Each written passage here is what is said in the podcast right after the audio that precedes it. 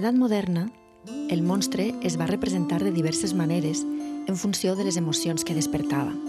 En especial de tres emocions, l'horror, la repugnància i el plaer. I justament en relació amb l'última, amb el plaer, trobem l'exhibició del monstre. Cal assenyalar que, atenent a l'etimologia, el terme monstre prové del llatí monstrare, que significa ensenyar, un concepte que ha perdurat al llarg del temps. L'exhibició de persones amb alguna discapacitat o deformitat amb finalitats lucratives avui ens sembla execrable, però en altres èpoques era una de les poques activitats que es permetia viure, encara que perjudicara la seva condició i valoració social. Altres alternatives eren la immolació activa o passiva, la marginació o la mendicitat. Benvingudes i benvinguts a Gabinet de Curiositats. Gabinet de Curiositats amb Anna Moner.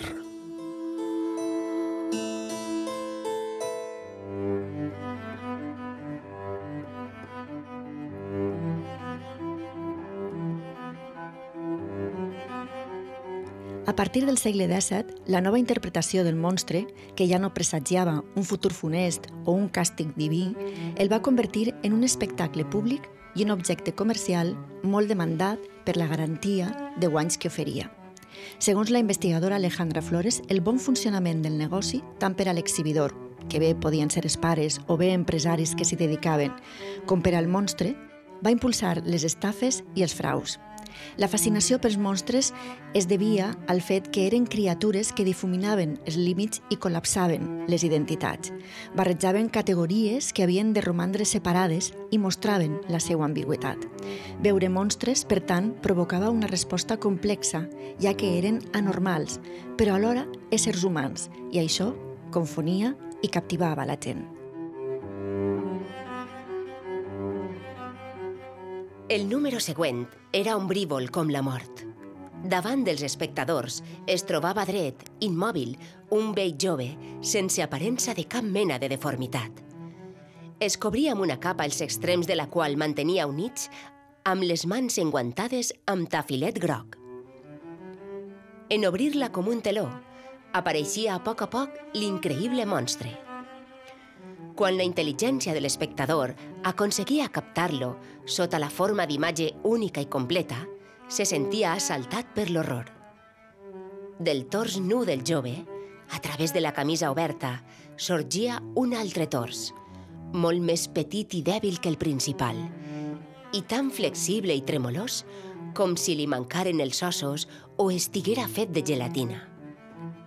Este paràsit, la figura del qual recordava la d'un pollastre desplomat, presentava els braços menuts, amb manetes i ungles, i un cabé de rèptil que semblava mort perquè no obria els ulls.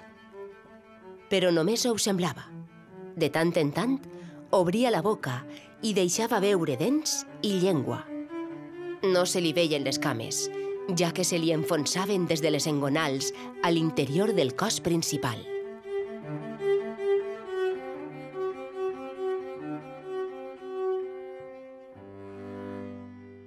Chambre a la forme d'une cage. Le soleil passe son bras par la fenêtre. Les chasseurs à ma porte comme les petits soldats qui veulent me prendre. Petrus Gonsalvus i la síndrome d'Ambràs. Je ne veux pas travailler. Je ne veux pas déjeuner. Anna, sóc jo, ja he arribat. Genial. Passa, Sebastià. Seu i fes una ullada a les fotografies, els llibres i les pel·lícules que deixàvem amunt la taula. Pel que veig, eh, avui continuarem la conversa sobre monstres. Així tens l'assaig de Pilar Pedraza, Venus barbuda i el eslabón perdido, i la seva magnífica novel·la El síndrome d'Ambràs. Eh, També la pel·lícula de Todd Browning Freaks Sí. i un bon grapat de pertorbadores fotografies de criatures estranyes. fenòmens de la naturalesa. Dones barbudes, gegants, nans, siamesos, dones camell... Però anem a poc a poc.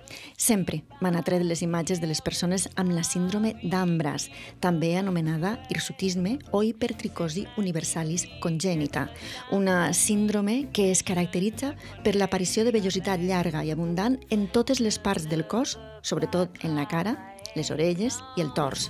Una vellositat que els conferís l'aparença d'un animal. Sí, conec la síndrome. El pèl, quan apareix de manera copiosa en aquelles parts del cos que n'haurien de restar lliures segons les convencions, provoca inquietud i aversió. Perquè en general potser ens recorda d'una manera massa evident la part d'animal i salvatge que habita en nosaltres. Quant a les dones, a més, produeix una imatge masculinitzada que trenca els estereotips i crea equívocs i, com a conseqüència, genera incomoditat i rebuig. No cal esforçar-se gaire per imaginar el que succeïa en èpoques en què l'ordre s'establia de forma molt estricta al voltant de les classificacions socials, sexuals i ètniques, entre altres. En efecte. Llavors, difícilment s'admetia que una persona no complira les normes i no encaixara en els rols establits. En realitat, es tracta d'una alteració genètica en el cromosoma 8, una alteració molt poc freqüent, ja que la incidència és d'un cas entre 10 milions de persones. Mhm. Tot i que, a més d'excés de pèl i pot existir alguna lleu de formació facial, la síndrome no afecta cap altre òrgan. Et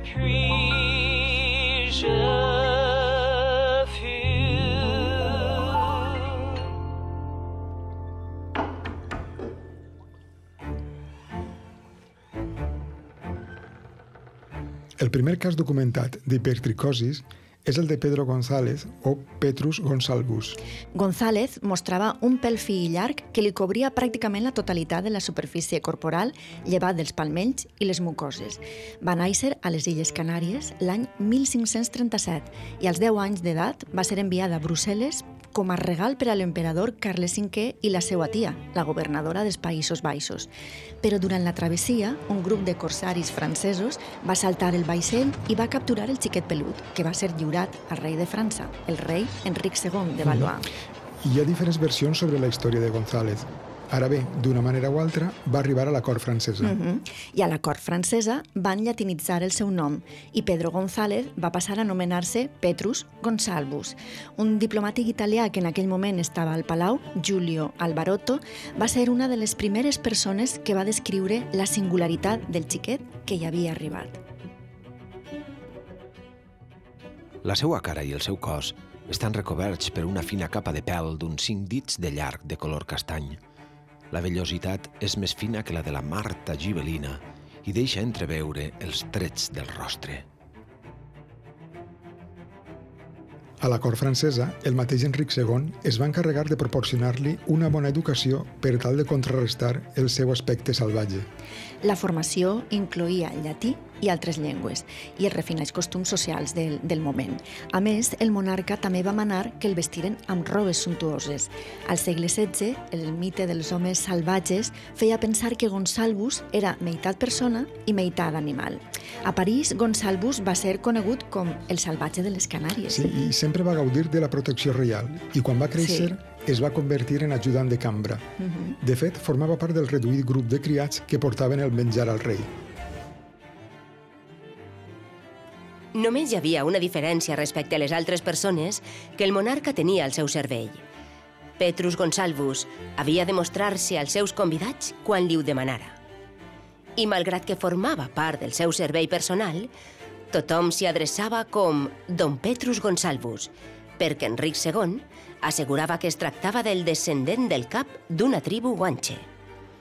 Quan el rei va morir, la seva dona, Caterina de Medici, va decidir concertar el matrimoni del salvatge de Canàries. I va triar Catherine, una de les joves nobles més belles de la cort. La reina no va deixar que ella poguera veure el seu futur marit fins al moment de la cerimònia. Evidentment, la jove va quedar horroritzada en descobrir l'home que havia triat. Mm. Però Catherine va accedir a casar-s'hi per obediència a la reina i, en contra del que en general s'esperava, la peculiar parella va congeniar prou bé.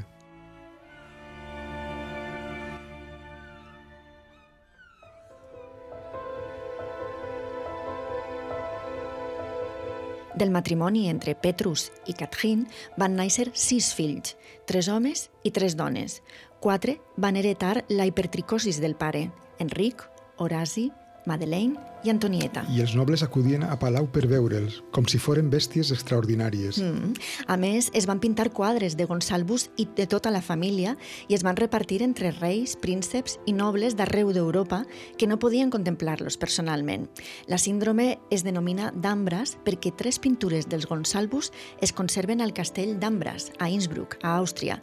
Són un retrat de Petrus i Catherine i de dos dels fills que patien hipertricosis. Els metges que els examinaven també solien demanar registre pictòric del que consideraven meravelles de la naturalesa. Tot va canviar per Gonsalvus i la seva família quan va morir Caterina de Medici.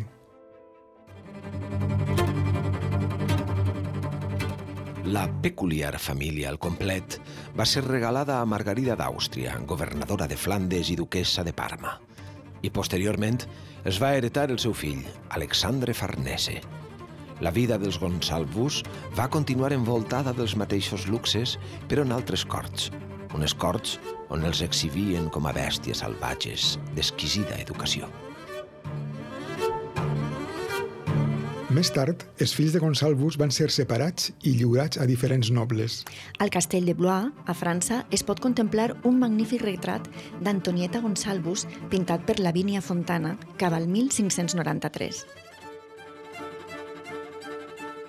Els ulls grans, dolços, expressius, intel·ligents, amb un cert punt de tristor, i els llavis, petits, ben dibuixats i una mica molsuts. Destaquen amb força al vell mig del rostre cobert de pèl de la xiqueta. Un rostre pelut que, alhora, també contrasta de manera contundent amb el vestit luxós i elegant i les petites mans, lliures per complet de vellositat, que sostenen un full en què es pot llegir, en unes línies, la seva història. De les Illes Canàries fou portat al rei Enric II de França Don Petrus l'home salvatge i d'allí vingué a la cort del duc de Parma amb mi, Antonieta, que ara sóc a casa de la senyora, Isabela de Palavicino, marquesa de Soranya. Petrus Gonsalvus va morir el 1618 a Capodimonte, a la regió del Laci, a Itàlia, als 80 anys d'edat. Va ser una persona molt longeva per a l'època. Mm -hmm, molt longeva. Uns 50 anys després que Lavínia Fontana pintara el deliciós retrat d'Antonieta Gonsalvus, el xativí Josep de Rivera, lo Españoleto, duia a terme per encàrrec del virrei de Nàpols La dona barbuda, que és un quadre estrany i colpidor. Ben colpidor. Un quadre en què veiem en primer terme palplantada Magdalena Ventura, que així li deien i la veiem alletant un nadó que sosté amb unes mans poderoses mentre ens mira fixament amb duresa i amargor, eh? sense, sense concessions. Els tres facials desconcerten. Només la roba i el pit al descobert indiquen el seu sexe.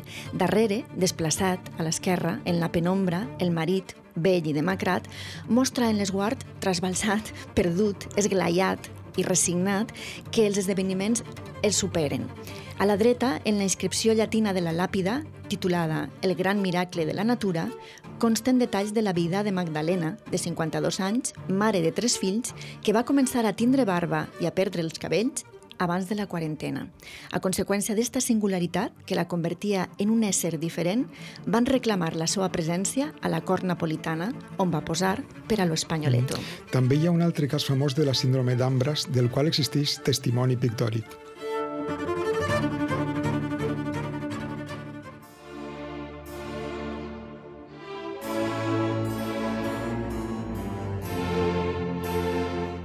El cas de Bàrbara Urselín.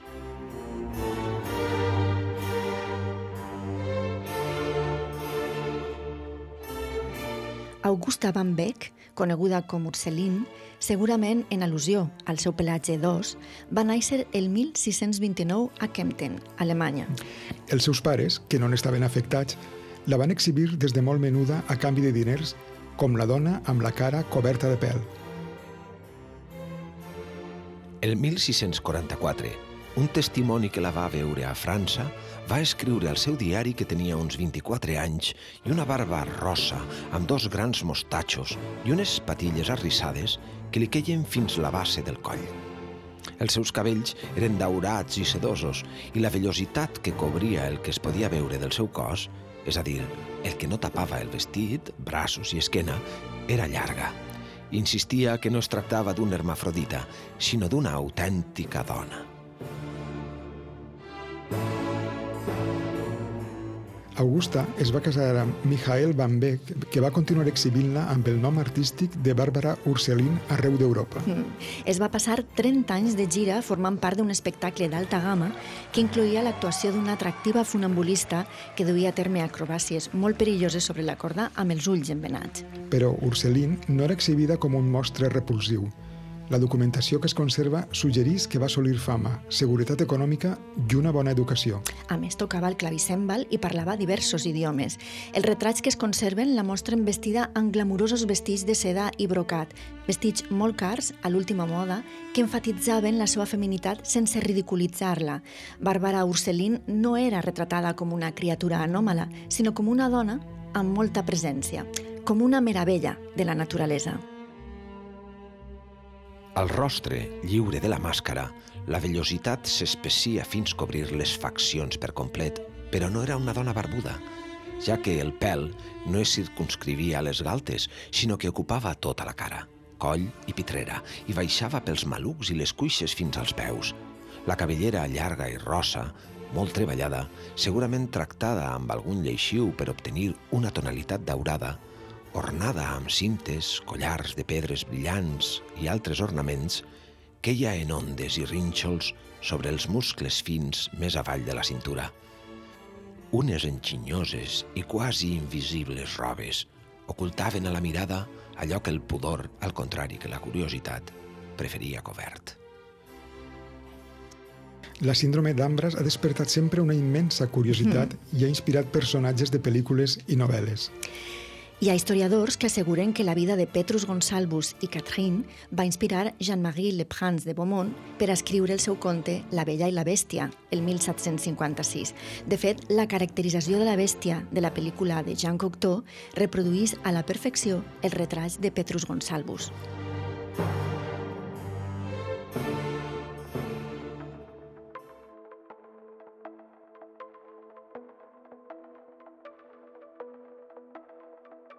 Gabinet de Curiositats.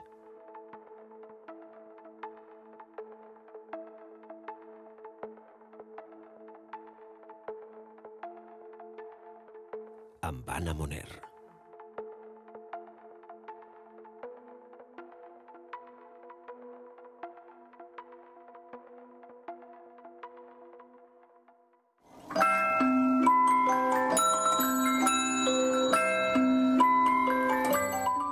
Stefan Bibrowski, l'home amb cara de lleó.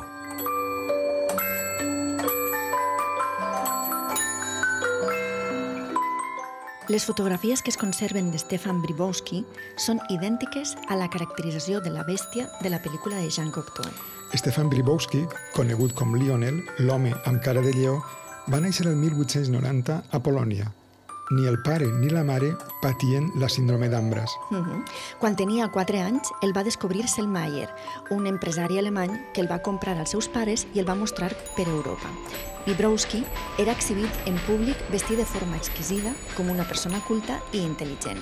Parlava cinc idiomes i la lectura i l'escriptura eren les seues aficions predilectes.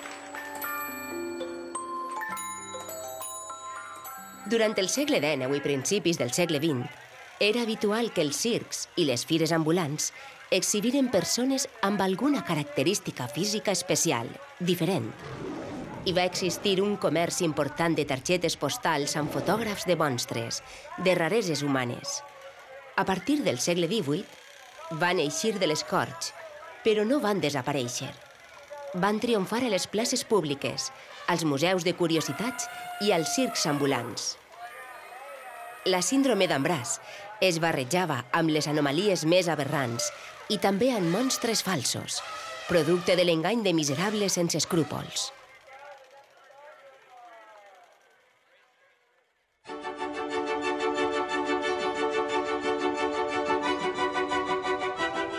Stefan Bribowski no va ser una excepció.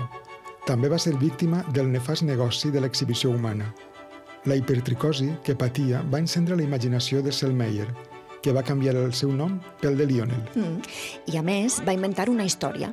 La mare de Lionel, quan estava embarassada, havia presenciat com un lleó devorava el seu marit.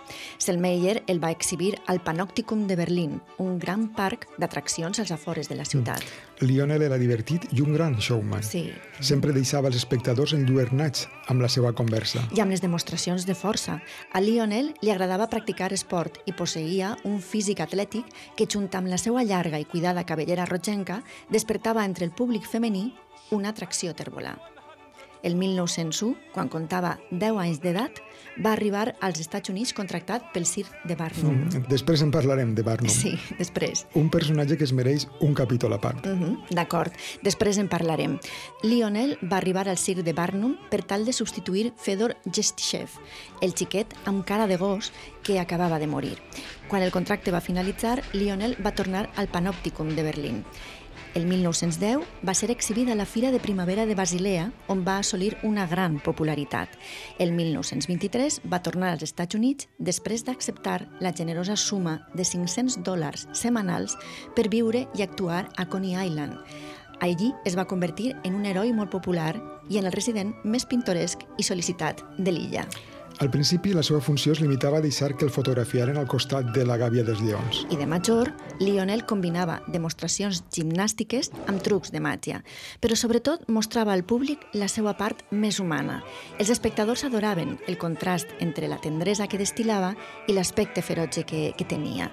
Després d'una exitosa carrera, Lionel es va retirar del món de l'espectacle a finals de la dècada del 1920 i va tornar a Alemanya, on va morir d'un infart en un hospital de Berlín el 1932 als 41 anys. Mm. Stefan Bribowski, Lionel, va ser afortunat, malgrat tot. Sí, No va córrer la mateixa sort que altres persones que també patien la síndrome d'Ambras a principis del segle XX, com Júlia Pastrana.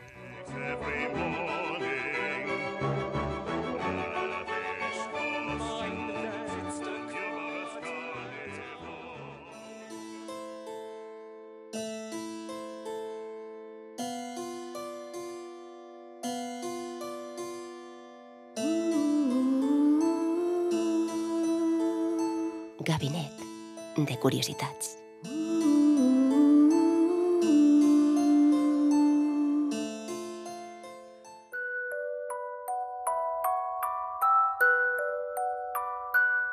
L'atroç història de Júlia Pastrana, la dona simi.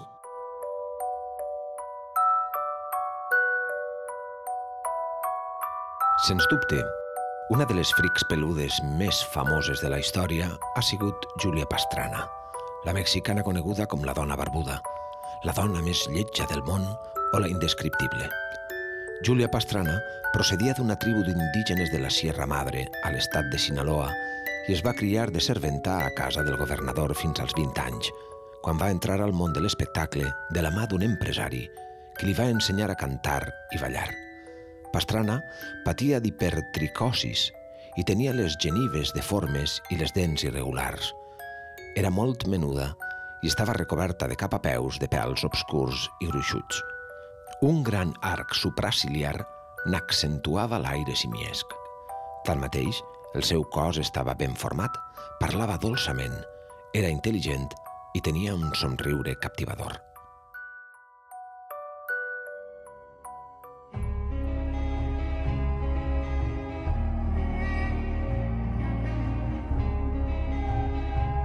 A Sinaloa, on va néixer, la seva mare la va amagar dels ulls curiosos de la gent. Sí, perquè per a la majoria de persones, Júlia era sinònim de pecat, un híbrid, el producte maleït de la relació entre una humana i un orangutan. Per això, la seva imatge provocava burles i por. Mentre treballava de criada per al governador de l'estat, va aprendre a llegir i escriure. I als 20 anys, el governador la va vendre a l'administrador de la duana marítima de Sinaloa, Mm. que hi va veure una mina d'or. un individu que la va explotar durant un temps com una atracció de circ. Però el negoci no li va funcionar molt bé perquè quan va començar una gira pels Estats Units, com que no parlava anglès, va haver de contratar un traductor, Theodore Lent, Un altre personatge. un altre. Lent va resultar ser molt espavilat i va provar d'obtindre el tresor de l'administrador de duanes. I per tal d'apropiar-se'n, Lent va fer ús d'una tàctica molt retorçuda. Va començar a festejar amb Júlia i als pocs dies es van casar. I així doncs, no va haver de comprar-la. No. Des d'aquell moment, Theodore Lent es va convertir en l'amo d'aquella dona a qui tots tractaven com una mercaderia. Lent la va exhibir primer pels Estats Units i després per Europa. La seva aparença física constituïa una impressionant font d'ingressos. Júlia era presentada com una salvatge. Tanmateix, quan obria la boca, deixava bocabadat el públic amb la seva prodigiosa veu. Mm, era mezzo-soprano i cantava òpera. A més, ballava molt bé i sabia fer acrobàcies a cavall. La indescriptible dona Simi va omplir les sales de Polònia, Moscou i Londres, entre molts altres. I a Londres li van fer estudis odontològics que van enviar a Charles Darwin.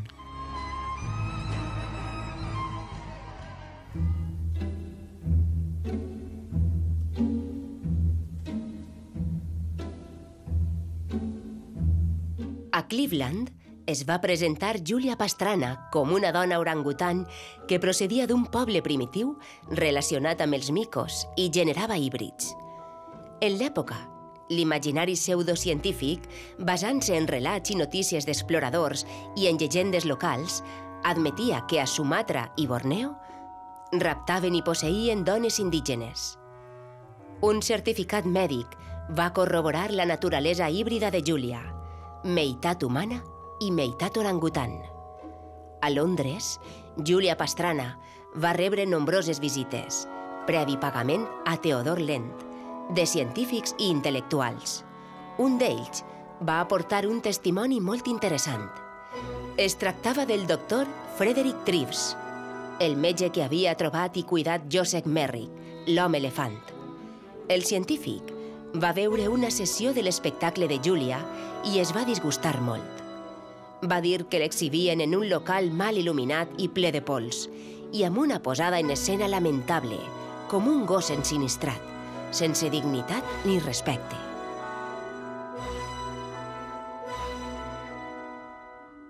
Júlia Pastrana despertava tanta morbositat que quan es va quedar embarassada, el seu home va vendre entrades caríssimes per assistir al part. Sí. A Moscou va parir un xiquet de cos llarg, parcialment pelut, de 4 quilos. Havia heretat la síndrome de la mare, però malauradament només va viure 36 hores. I Júlia també va morir pocs dies després a conseqüència del part. La cobdícia de Theodor Lent era insaciable. Quan la seva dona estava agonitzant, encara va vendre entrades per veure-la. I les atrocitats de Lent no es van aturar amb la mort de Júlia.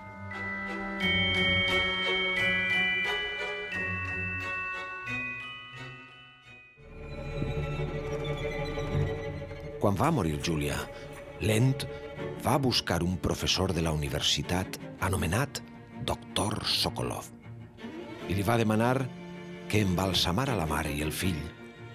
En un principi, Sokolov pretenia que formaren part de la col·lecció d'anomalies humanes del Museu Anatòmic de la Universitat de Moscou, però Lent va poder demostrar el seu parentesc i els va recuperar després d'abonar el costós procés d'embalsamament. Els cadàvers embalsamats de Júlia Pastrana i el seu nadó van recórrer bona part del món. Ella portava un vestit de ballarina roig i el nounat, tret al seu costat, damunt d'una espècie de perxa.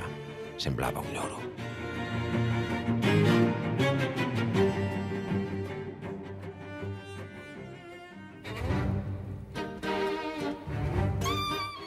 Theodor Lent no tenia límits i va continuar exhibint-los en circs i museus.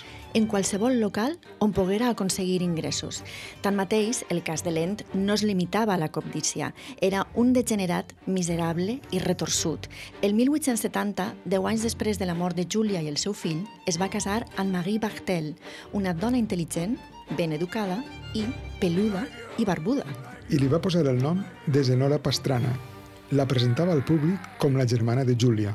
Lent exhibia Zenora i al fons de l'escenari, dins d'una urna de vidre, els cossos embalsamats de Júlia i el seu nadó. A Rússia, Lent va començar a trobar-se malament i a comportar-se com un boig, i Zenora el va tancar en un manicomi del qual ja no va eixir mai. Així i tot, la mòmia de Júlia va continuar girant en circs, gabinets de meravelles i túnels del terror de tota Europa durant més de 20 anys. Fins que va caure en l'oblit. Molts anys després es va saber que els cadàvers embalsamats van fer cap a l'Hospital Nacional d'Oslo. Només van aconseguir salvar el cos de Júlia.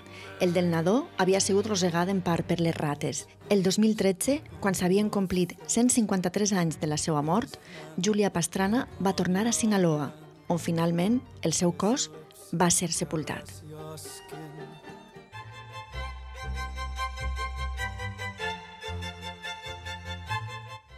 Todd Browning, la parada dels monstres.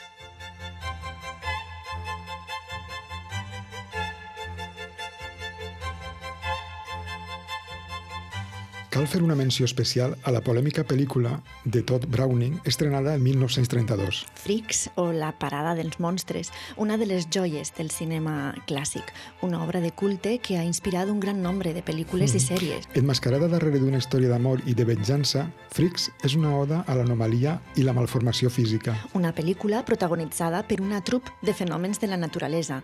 Peter Robinson, l'home esquelet, Olga Roderick, la dona barbuda, Slitze i Coco, dolces criatures a les quals sembla que els hagin reduït el crani, la dona sense braços, amb una sorprenent habilitat amb els peus, Daisy i Violet Milton, les germanes siameses unides pel tronc, Josephine i Joseph, una, un hermafrodita, i el fascinant príncep Randian, un home sense extremitats que es desplaçava arrossegant-se per terra i s'encenia cigarretes sense ajuda.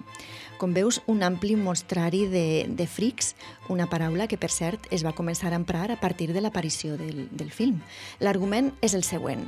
Hans, un nan que treballa en un circ ple d'éssers deformes, hereta de forma inesperada una important fortuna que el convertís en la persona més envejada del grup. I Cleopatra, una àgil i flexible acròbata, el seduís i es casa amb ell per a fer-se amb els seus diners. La parada dels monstres comença amb un text que explica a l'espectador el cruel destí que han sofrit al llarg de la història aquells que van tindre la mala sort de néixer amb alguna anormalitat. En el text s'assegura que estos monstres de la naturalesa, per tal de protegir-se, es regixen per un codi secret segons el qual ofendre'n un implica ofendre'ls a tots.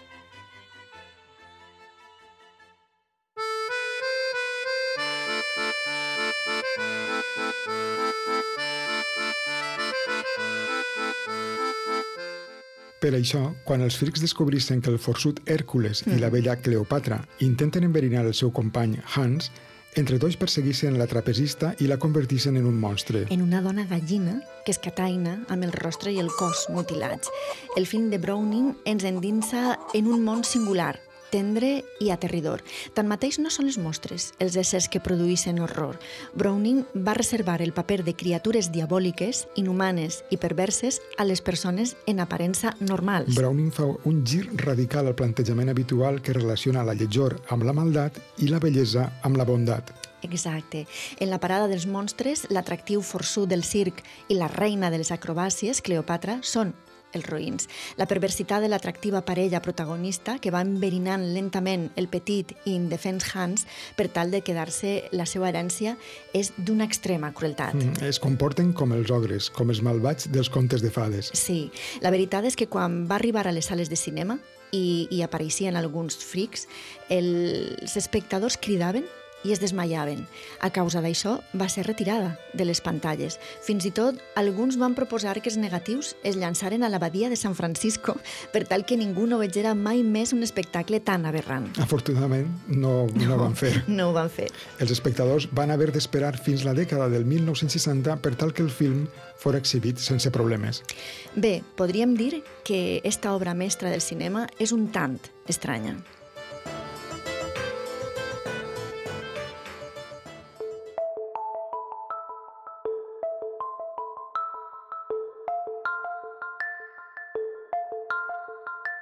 Gabinet de curiositats.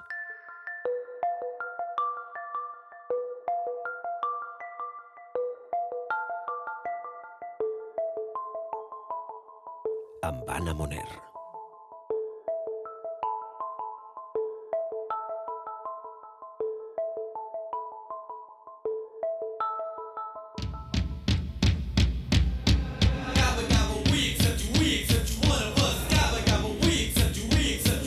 Browning és una figura de la història del cinema singular, enigmàtica i controvertida. Va ser acusat de morbós i explotador i la seva obra fonamental, La parada dels monstres, va romandre oblidada fins que es va començar a reconèixer el seu talent. Mm. Recordem que Browning havia dirigit dos anys abans Dràcula, mm -hmm. protagonitzada per Bela Lugosi, una cinta que també va estar envoltada de misteri. Browning mostrava un gran interès pels espectacles macabres, perversos, depravats, la treia, la venjança, la maldat, l'assassinat i les atraccions de fira amb frics o monstres humans. Els seus personatges sovint són éssers marginals, psicològicament turmentats i amb importants malformacions. La parada dels monstres, considerada una obra maleïda, la més prohibida de la història del cinema, va guanyar adeptes amb el pas del temps. El seu fracàs comercial radicava en què violava totes les idees preconcebudes del públic.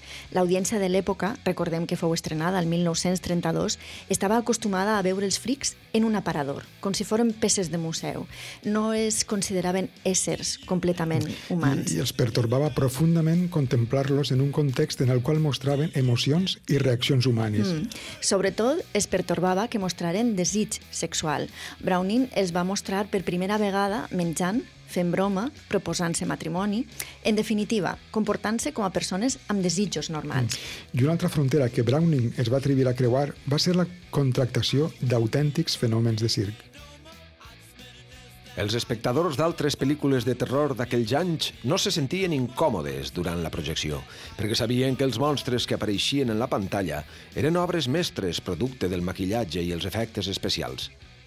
Tanmateix, Freaks no donava peu al dubte ni a la confusió, ja que la publicitat de l'estudi remarcava ostensiblement l'autenticitat dels intèrprets. Freaks suposa una visió pessimista de la naturalesa humana, propugna la bellesa d'allò monstruós i la monstruositat de la bellesa o d'allò que considerem normal. Todd Browning ens posa davant d'una situació desagradable i extrema d'una manera tan crua que ens resulta impossible apartar-hi la mirada ens obliga a revisar els nostres prejudicis morals, ens exigeix una resposta, una reacció, ens obliga a enfrontar-nos a la part més fosca de la naturalesa humana.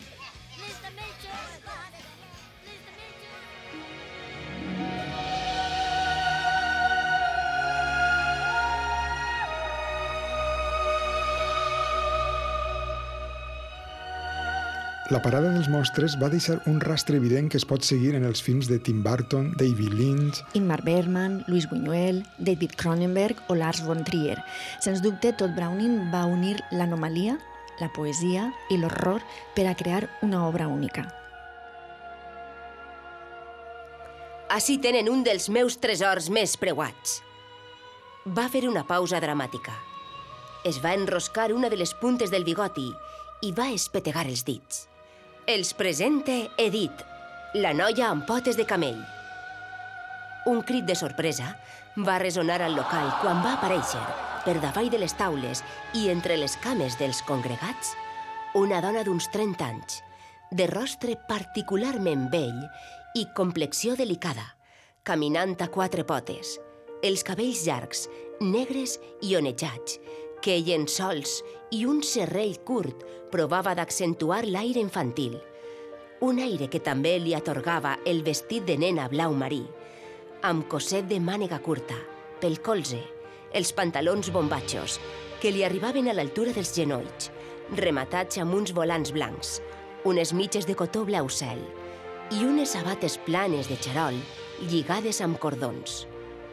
Una dona de fas i tors atractius, que conservava restes de l'aspecte angelical de l'adolescència i que no hauria despertat cap mena d'aversió si no hagués estat per la deformitat que patia les cames, una estranya afecció congènita que feia que els genolls es doblegassin al revés, cap enrere, com els dels camells, i l'obligava a desplaçar-se de quatre grapes i amb uns moviments inestables i inquietants, semblants als dels insectes.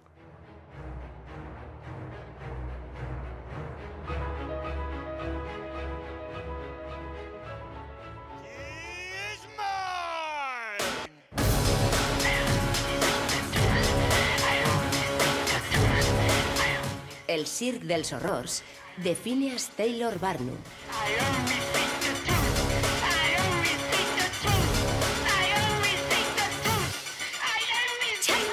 A més, quan parlàvem de Lionel, l'home lleó, hem citat mm -hmm. Barnum, un personatge que val la pena analitzar. que val la pena analitzar.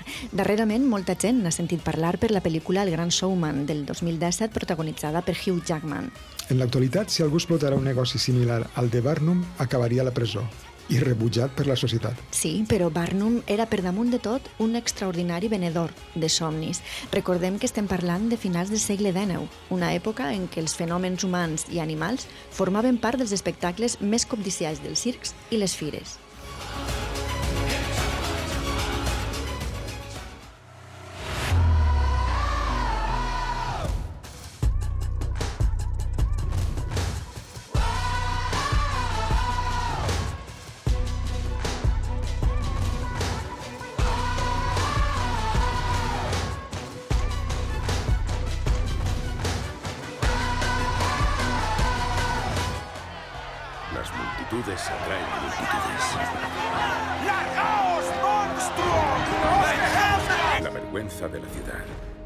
Protestas consolidan la reputación de Barnum como proveedor de seres ofensivos e indecentes. Ofensivos e indecentes. Señor Bennett, hace que me sonroje. No, yo me sonrojo. ¿Qué más da lo que piense Bennett? Es un mojigato. Y un snob. Sí, todos los snobs de Nueva York le leen, crea opinión. ¿No pretendías levantar polémica?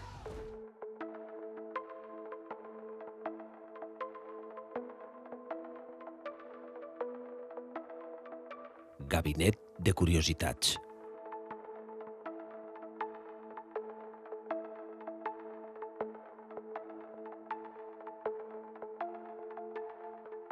Amb Anna Moner.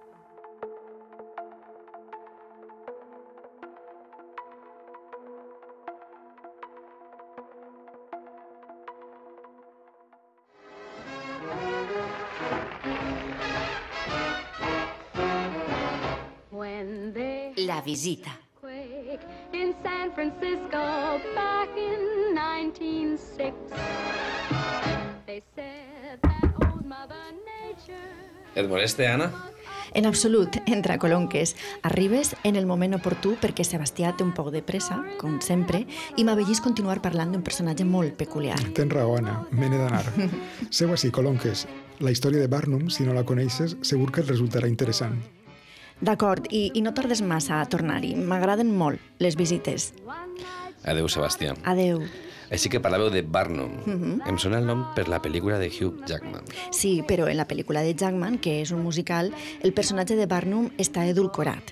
No aprofundís en la part més fosca dels seus negocis, perquè Barnum era un empresari i artista de circ estatunidenc recordat sobretot pels seus cèlebres enganys. Tinc entès que era un showman vocacional. Mm -hmm. I el seu únic objectiu, com ell mateix afirmava, era omplir-se les butxaques de diners. Es va convertir en empresari als 20 anys i va organitzar espectacles en què incloïa divertiments científics, màgia, música i teatre. Espectacles en els quals ja començava a exhibir éssers especials com Joyce Head, Qui era Joyce Head? una esclava afroamericana cega, quasi paralitzada per complet, que Barnum presentava com la dida del president George Washington i, segons assegurava l'empresari, comptava 161 anys.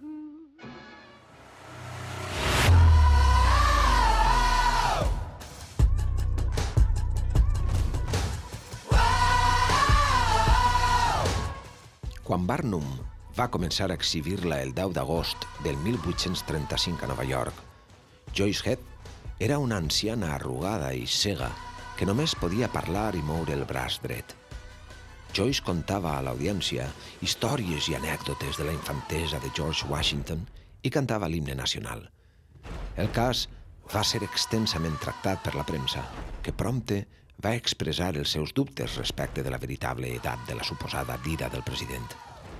Barnum va declarar que, quan l'anciana morira, se li practicaria una autòpsia pública que demostraria que tenia més de 160 anys. Uns mesos després, Joyce Head va morir i Barnum va haver de complir la seva promesa.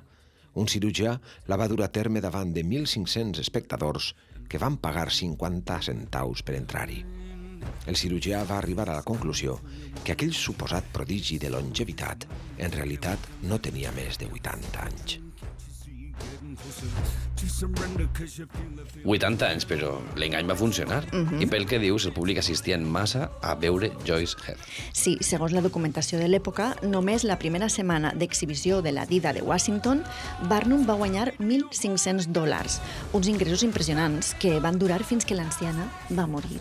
I suposa que Barnum se les va enginyar per continuar explotant espectacles similars. Sí, va comprar el Museu Americà Scudder a Manhattan, el va remodelar i li va posar el nom de Museu Americà Barnum.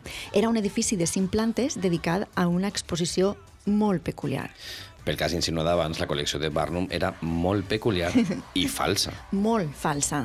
Exposava espècimens estranys com la sirena de Fiji, una criatura amb el cos de mico i cua de peix que havia confeccionat un taxidermista col·laborador seu. Seria un museu de rareses de tot tipus, no? De Un- tot tipus. Un museu on els visitants pagaven per veure coses que mai no havien vist ni imaginat. Mm -hmm. Al Museu Americà Barnum hi havia un teatre on es representaven drames shakespearians, una sala de conferències, un museu de cera, un zoològic, sales amb animals dissecats, un circ de pusses i actuacions diàries d'ossos ensinistrats, ventrílocs, gegants i nans. Pete Barnum, a su servicio. Mi futuro espectáculo necesita una estrella. Solo busca que se rían de mí. Se reirán de todos modos, al menos que te paguen.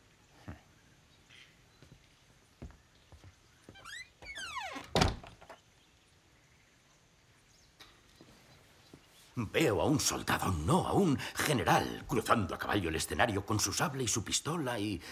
y... el uniforme más hermoso del mundo. El público procedente de todos los países no se reirá al verte.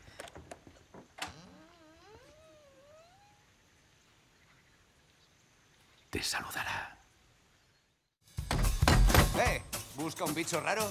Yo sé dónde puede encontrar uno. ¿De verdad?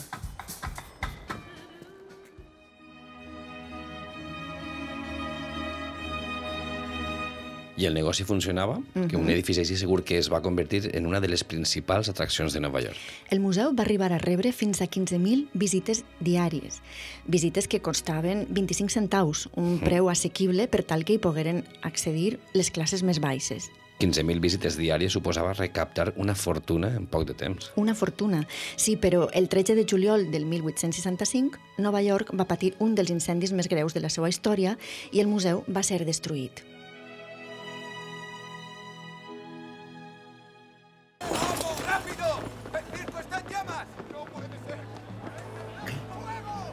Vamos, no os separéis, corred. ¡Alguien les ayude! ¡Sacad a todo el mundo!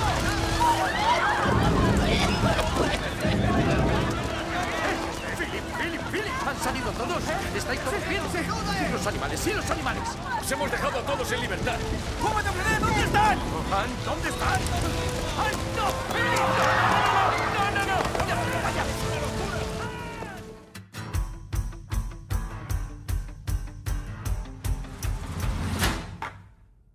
I quan es va introduir en el món del circ? Perquè la seva fama està vinculada a aquest tipus d'espectacle, no? Sí, és el negoci al qual li deu la fama.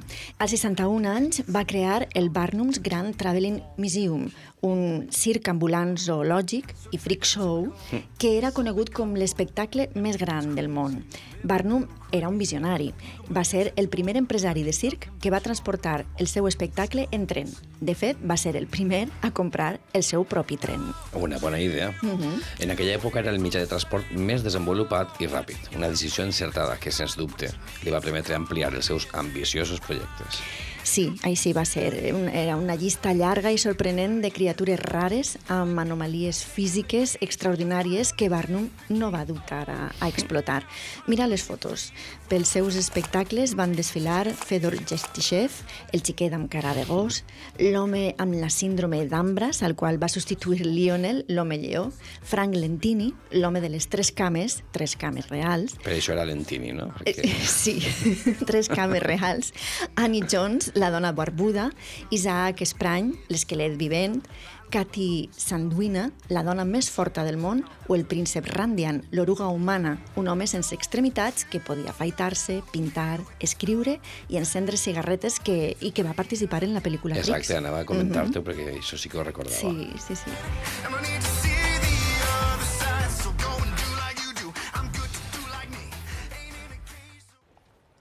Nuestras madres se avergonzaban de nosotros. Nos ocultaron toda la vida. Y usted nos sacó de las sombras. Ahora usted también nos deja en la estacada. Tal vez sea un farsante. Tal vez solo pretendiera ganar dinero fácil. Pero nos ha convertido en una familia. Y el circo era nuestro hogar.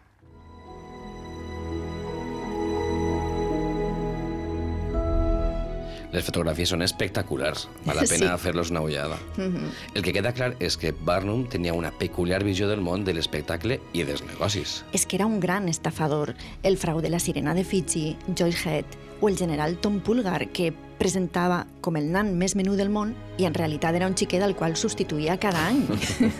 També hi havia la màquina de fer desaparèixer diners. Sense comentaris. Sense comentaris. Podem imaginar on anaven a parar els diners que desapareixien. A les butxaques de Barnum. A les butxaques de Barnum. Era llest, era eh? molt llest. Després de passar per grans dificultats econòmiques derivades de les demandes contínues als tribunals, per estafa, Barnum va refer les seues finances i va construir Lindencroft, la seva mansió. Més tard va crear el primer aquari públic dels Estats Units. Va assolir una gran popularitat i, malgrat la fama d'estafador, va arribar a actuar davant de la reina Victòria, a Anglaterra.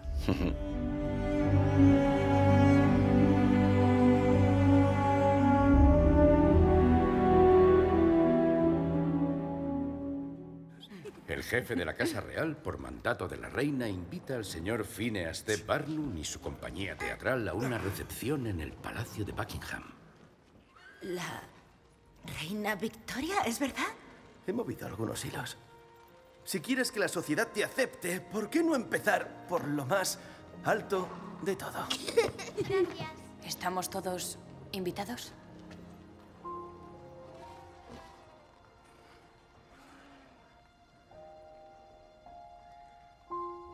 Creo que tendré que decirle a la reina que o vamos todos o no va nadie.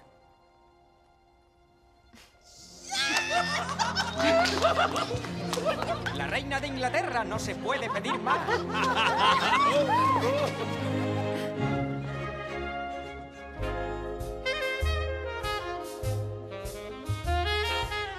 personatge així no podia anar-se'n d'este món de qualsevol manera. Uh -huh. El 7 d'agost del 1891, Barnum va morir. I al seu testament va deixar escrit que els funeraris l'exposaren dins del taüt amb un ampli somriure al rostre. Així es va acomiadar del món un dels grans estafadors i tramposos de la història. I què et sembla si nosaltres també ens acomiadem com cal? Perfecte. Footprints, un tema de Wayne Shorter, gravat amb el segon quintet de Miles Davis, enregistrat a Nova York Mhm. entre el 24 i el 25 d'octubre de 1966, amb Wayne Shorter, Herbie Hancock, Ron Carter, Tony Williams i com es diu el disc? Miles Smiles. Una, una elecció perfecta, m'agrada molt. I ja saps, pots vindre sempre que vulgues. Tots podeu tornar al meu gabinet de curiositats. Jo estaré així, com sempre, esperant-vos. Avui hem estat en la sintonia d'A Punt Mèdia, Sandra Aragó a la producció, Héctor Tirado a la realització, Sebastià Carratalà i Anna Moner a la direcció i la redacció i Jordi Ballester, Yolanda Muñoz, Vicent Colonques, Sebastià Carratalà i Anna Moner als micròfons. I recordeu que, com deia Oscar Wilde, l'art no ens pot ferir. Un bes.